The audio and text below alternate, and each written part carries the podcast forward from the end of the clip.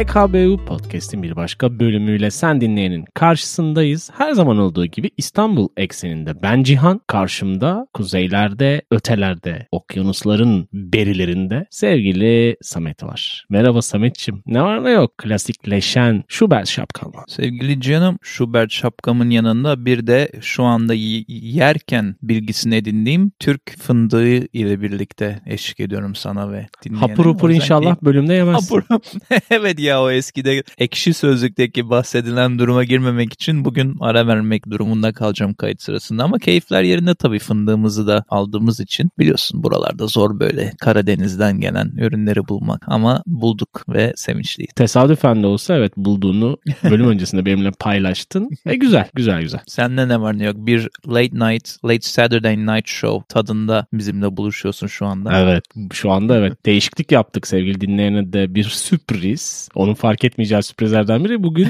cumartesi kaydımızı alıyoruz. Hatta büyük bir fırtına öncesinde kar fırtınası ve benzeri. Bakalım yarın da konsere gideceğiz. Eğlenceli olacak diye düşünüyorum serüven. Evet tam bir macera yine artık sanki böyle toss loading diyebiliriz senin bu konseri seçtiğin gün için. Ee... Ben seçmedim işte. Konser bugün olduğu Yapanlar için. Yapanlar seçti. Hani 4 ay önceden aldığımı da düşünürsek o yüzden. E hadi meraklı bıra- bırakmayalım sevgili dinleyene. Hangi sanatçı senin varlığına bir şeref olacak? Sanatçı. Varlığını, varlığının keyfini çıkarmaya şeref duyacak diyelim. Hangi ha, sanatçı şey ve hangi Türk sanat muzikisini işleyen kişiyle buluşuyorsun yar? Yarın Editors'ın konseri var PSM'de. Bakalım nasıl olacak. Yani belki iptal olacak bilmiyoruz şu anda. Ya evet. Konser öncesi olduğu için çok trajik olabilir belki de. Çünkü uçuşlarda da sıkıntılar var. Bakalım. Bakalım sevgili dinleyene belki e, sonraki bölümlerde bir update yaparız. Bir toz yapabiliriz, bir update yapabiliriz. Bir şeyler çıkar. Neyse şimdilik evet. keyifli konserler diyelim sana o teşekkürler, zaman. Teşekkürler, teşekkürler. Ve istiyorsan bu güzel açılıştan sonra da asıl konumuza geçelim.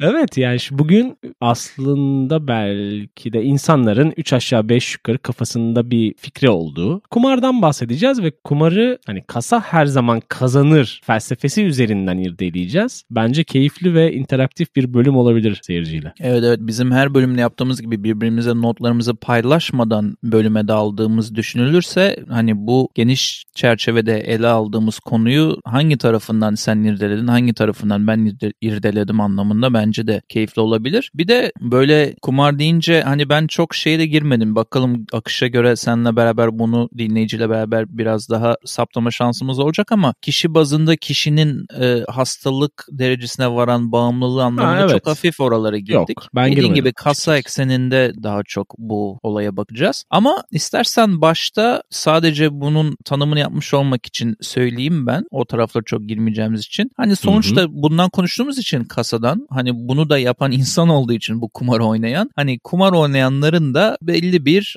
dopaminin e, beyinde salgılanmasına verdikleri aslında tepki veya buna duyulan işte aşırı bağlılıktan dolayı sürekli tekrar ettikleri bir oyun aslında. Ve bu evet. oyunun biz şey tarafını konuşacağız. Hani kasa her zaman kazanır Hakikaten. mı yoksa bu olayı hackleyebilip de işin içinden çıkanlar da oluyor mu? Bunu birazcık aslında tartışalım diyorum. Yani belki de oluyordur kim bilir sevgili dinleyen. Şöyle bir tanım gördüm araştırırken ve çok hoşuma gitti. Hani açılışı da o şekilde yapmak istedim. Kumarhaneler oyuncuları alt etmezler. Onlara kendilerini alt etmeleri için şans verirler. Bu da böyle bir kurgu sevgili dinleyen. Ama çünkü çünkü kumarhaneler kısa vadede size ufak ufak kazandırıyor gibi gözükür. Ancak uzun vadede kaybettirecek oyunları daha ön plana çıkartıyorlar. Yani bu bir nevi aslında bir tarafıyla da pazarlama ve show dünyasının birleşmiş hali. Tabii tabii. Ben de bir tane İngilizce daha da anlamlı olan bir cümle hoşuma gitti. Başlarda söylemek istemiştim. Never gamble with money you cannot afford to lose demiş. Orada afford bir de kelimesi içinde olduğu için hani Türkçe'de çok şey yapmaz, vurgu yapmaz ama çok güzel evet. bir söylem. Hani hiçbir zaman bunu yapmaman gerekiyor anlamında. Aslında bir sınır var orada. O sınırı kes, çizdiğin zaman e, tabii. daha keyifli Şimdi... bir şeyde dönüşebilir. Aha. Çünkü şöyle bir şey var. Üçe ayrılıyormuş bu kumar oynayanlar. Bir, profesyonel kumar oyuncuları. iki sosyal kumar oyuncuları oyuncuları, 3 problematik kumar oyuncuları diye. Sen şimdi profesyonelsen aslında bizim bu bölümün konseptine en çok uyan kumar oynayan insan olmuş oluyorsun. Çünkü biz o profesyonel tarafında senin bahsettiğin e, bu show dünyası aslında sen show dünyası dedin. Benim için de ayrıca bir endüstri, bir iş kolu veya bir Tabii. bildiğin işletme kolu aslında anlamında bunu konuşacağız. Las Vegas efsanesi zaten hep bilinen ve herkesin de böyle can attığı bir efsanedir biliyorsun. En azından hani oraya gidip para kazanma gayesi gütmeden senin biraz önce bahsettiğin hani cebinden çıkacak olan parayı belirleyip atıyorum X birim para. O birim parayı unutarak oraya gidip onu kaybetse dahi ya da az kazansa dahi hani Hı hı. nasıl diyeyim ana plandan şaşmayan insanların aslında mutlu olabileceği bir tarafı var. O yüzden ben eğlence sektörü olarak görüyorum. Ne kadar ışıltılı ve büyük bir business dediğimiz formatta olsa Evet. da şey dikkatimi de çekti. Böyle hani notlarda hep şey yazıyor internette. Herkes kazanıyor mesajı vermek için böyle insanların bilinçaltını etkiliyorlarmış ve bunu da rengarenk ışıklarla böyle aydınlık bir ortam sağlayarak yapıyorlarmış Yine tam Bir bir Las Vegas. pencere olmuyormuş genellikle kumarhanelerin içinde. Benim tabii ya tecrübem olmadığı için de çok karşılaştırma yapamıyorum. Belki Ben- sen Las Vegas yolcusuydun bir zamanlar ki Evet evet öyleydi. ben evet bilerek soruyorsun zaten bunu. Ben evet babamla bir sanırım 3 veya 4 gün hatırlamıyorum şimdi. Öyle hem ona göstermek için hem de bir kere gitmiş olmak için gitmiştim. Hı hı. Dediğin gibi gerçekten de bir cam, bir güneş. Bir kere şey çok önemli. Ee, gazinolarda zaman kavramını insanlara unutturmaya çalışırlar. Sen oraya Evet. pencere koyarsan sabah mı öğlen mi akşam mı güneş doğdu mu battı mı bunları bilmesini istemiyor zaten kumarhane çalışanın. Ya bilinçli olarak bunu kullanın oradaki kullanıcı bilmesini istemiyorlar. Dolayısıyla sen kapkara veya kapalı bir yerde dediğin gibi ışıltılı ışıklarla ne bileyim gösterilerle falan bulunduğun zaman zaten pompalanıyor sana o adrenalin, o dopamin her şey. Yalnız bu arada hani ben mesela Kıbrıs'a hiç gitmedim. O belki dinleyenler arasında karşılaştırma yapabilirler şu an diyeceğim ayrıntıya. Ben şuna da dikkat ettim Cihan. En azından Las Vegas için konuşuyorum. Her oturduğumuzda bir şeyin başında denemek için anında yanında free tepside birasını, şarabını getiren hanımlar, beyler beliriyordu. Bu da ilginç Hı hı. küçük bir ayrıntı senin kontrolünü biraz daha kaybetmen için. Yani orada alkolü de tabii. eklediğin zaman zaten kendi iradenin kontrol etmeye çalıştığın yerde zaten daha da bütün ortam senin için hazırlanmış oluyor. Gece başlayanlar sabah oldu mu olmadı mı hani saatine çok da bakmıyorsan zaten bitiyor gidiyor durum yani. Zaten bir yerde asılı bir saat de yoktu hatırladığım kadarıyla o Evet. yerlerde. Bu arada Hı hı. hazır girdik buradan madem açtın konusunu Las Vegas'ın şimdiden. Ben rakamlara biraz gireceğim şimdi biraz daha bölümün konseptine hizmet etmesi için. Nevada kasinolarının ya şimdi kas her zaman kazanır diyoruz. Nevada e, gazinolarının bu kazanç durumunda neler yaptıklarını bir merak ettim baktım ve 2022 beni biraz şaşırttı. 2022'de sevgili Cihan 14 ay boyunca üst üste en yüksek gelir rekoru kırmış Nevada kasinoları ve buna şaşırmamızın sebebi hem benim hem de finans dünyasının Covid sonrası bu kadar çabuk bir anda bir patlama yapıp kendine gelmesini beklemiyormuşlar. Özellikle enflasyon olayları da ve işte benzin olayları bilmem neler de olduğu için bu aralar çok beklemiyormuşlar onu. Ama olmuş Ee, 1.28 milyar dolarlık bir revenue yapmış e, Nevada'daki kazinolar. Wow. Sadece 2022 Ekim ayında. Bu da sadece kayda aldığımız zamandan 4 ay öncesi ve genel olarak 2022'de yaptıkları bütün toplam gelir %20 bir önceki senelere göre %20 özellikle Ekim 2019'dan beri yaptıkları gelire göre artmış. Yani %20 bir artış var kazançta. Bir de şimdi bu bir işletme diyoruz ya hani bu rakamları da E, tabii. şundan verdim biraz. Hani her gelen veya gelenlerin çoğu kazansaydı zaten kumarhaneler kazanmazdı ve kumarhaneler sana bedavaya para dağıt,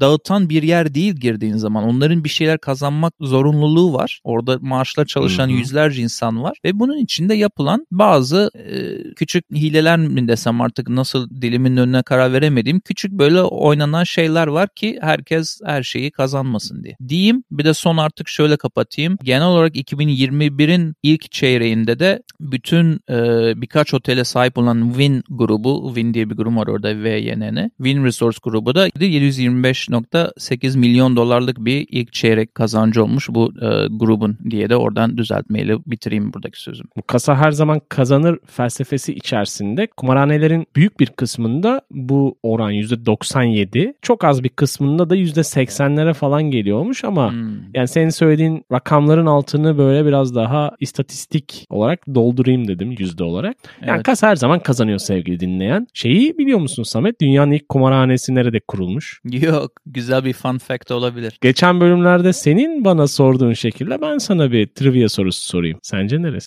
Geçen benimkisi biraz şaşırtmalıydı. Bariz cevap gelmemişti. O yüzden herhalde Belki bu sefer de, de ABD değildir diye düşünmek istiyorum. Ee, hadi diyelim e, ne diyelim Fransa diyelim.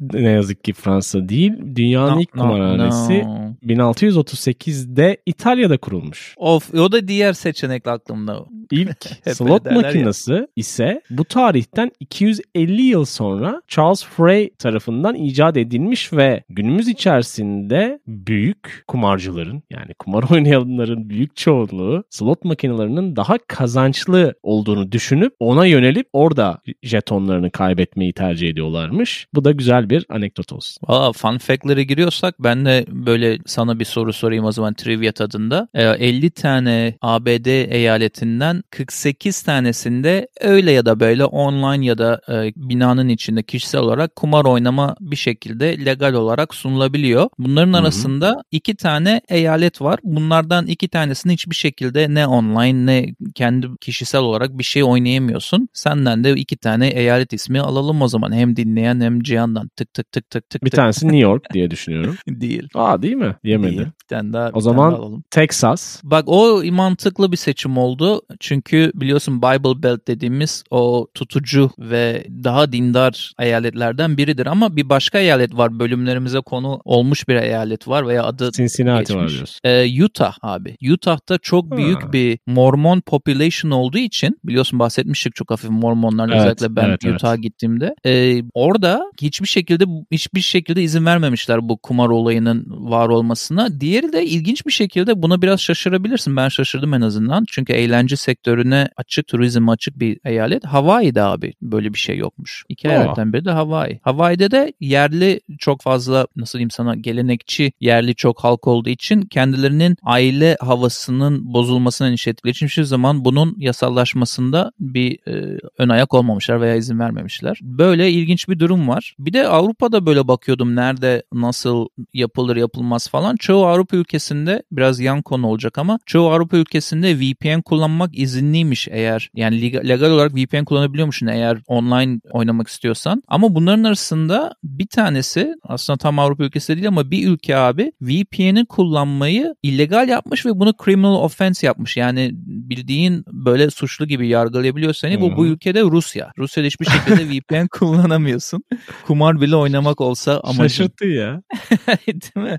Bu bildiğin Atlantic City'de böyle Amerika'nın hani doğu tarafının Las Vegas'ında kumarhanelerin kurulmasından sonraki 15 yıllık süreç içerisinde suç vakaları inanılmaz artmış ve Evet. Yüzde vermek gerekirse böyle yüzde 200'e yakın şiddet suçları, işte yüzde 500'e yakın hırsızlık suçları falan şeklinde of. artış olmuş. Hı hı. Buradan neye bağlayacağım? Kumar bağımlılarının yaklaşık yüzde 65'i bir süre sonra bu alışkanlığını devam ettirecek parayı bulmak için suçlara yöneliyorlarmış. Bu da işin karanlık tarafı. Evet. Ama kumar dediğimiz şey buna bahis ne diyorsanız artık hani tarih öncesi çağlardan beri varlığı olduğu bilinen bilinen ve bugünün değil de tüm insanlık tarihinin belki de bir mihenk taşı. Evet kesinlikle bu karanlık tarafı dedin ya suç oranları ile ilgili. Diğer karanlık tarafı da sevgili Cihan kumarın veya hatta daha fazla online bahisin ama aynı zamanda direkt kumarında online kara para aklama veya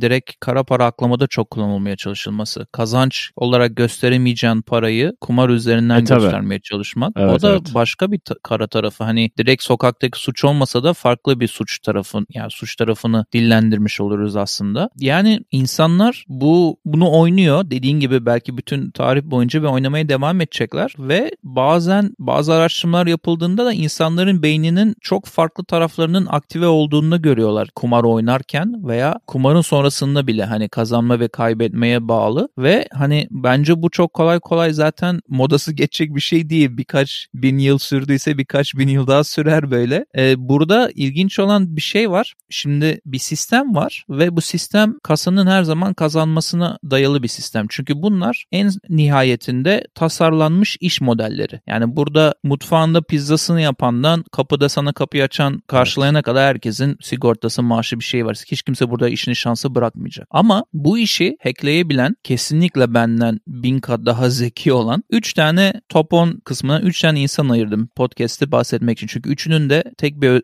e, ortak bir özelliği var. Bakalım bunu ben anlatırken çıkarabilecek misin? Birincisi Bill Benter diye bir adam. Şu anda 1 milyar dolar serveti var net. Bu adam ne yapıyor biliyor musun? Önce bir profesör e, Pennsylvania Üniversitesi'nde ama matematik profesör, profesörü gidiyor blackjack ve at yarışları oynamaya başlıyor ve matematik ve fizik profesörü olduğu için de bunların üzerine bir formül geliştiriyor ve bu geliştirdiği formülü de analitik bir software'e değiş, e, çevirip bunu uygulayıp yani bu gece aşırı olan bir şey değil tabii kısaca anlattım. Yıllar evet, yıllar sonra 1 milyar evet, dolara varan bir serveti oluyor adamın. İkincisi 800 milyon dolar serveti olan Edward Thorpe diye bir adam. Çok kısa bunu da söyleyeyim. Bu adama da Father of Card Counting diyormuşlar lakabını. Kart sayan Oo, yasak baba olan diye. şey bu arada. Bu arada.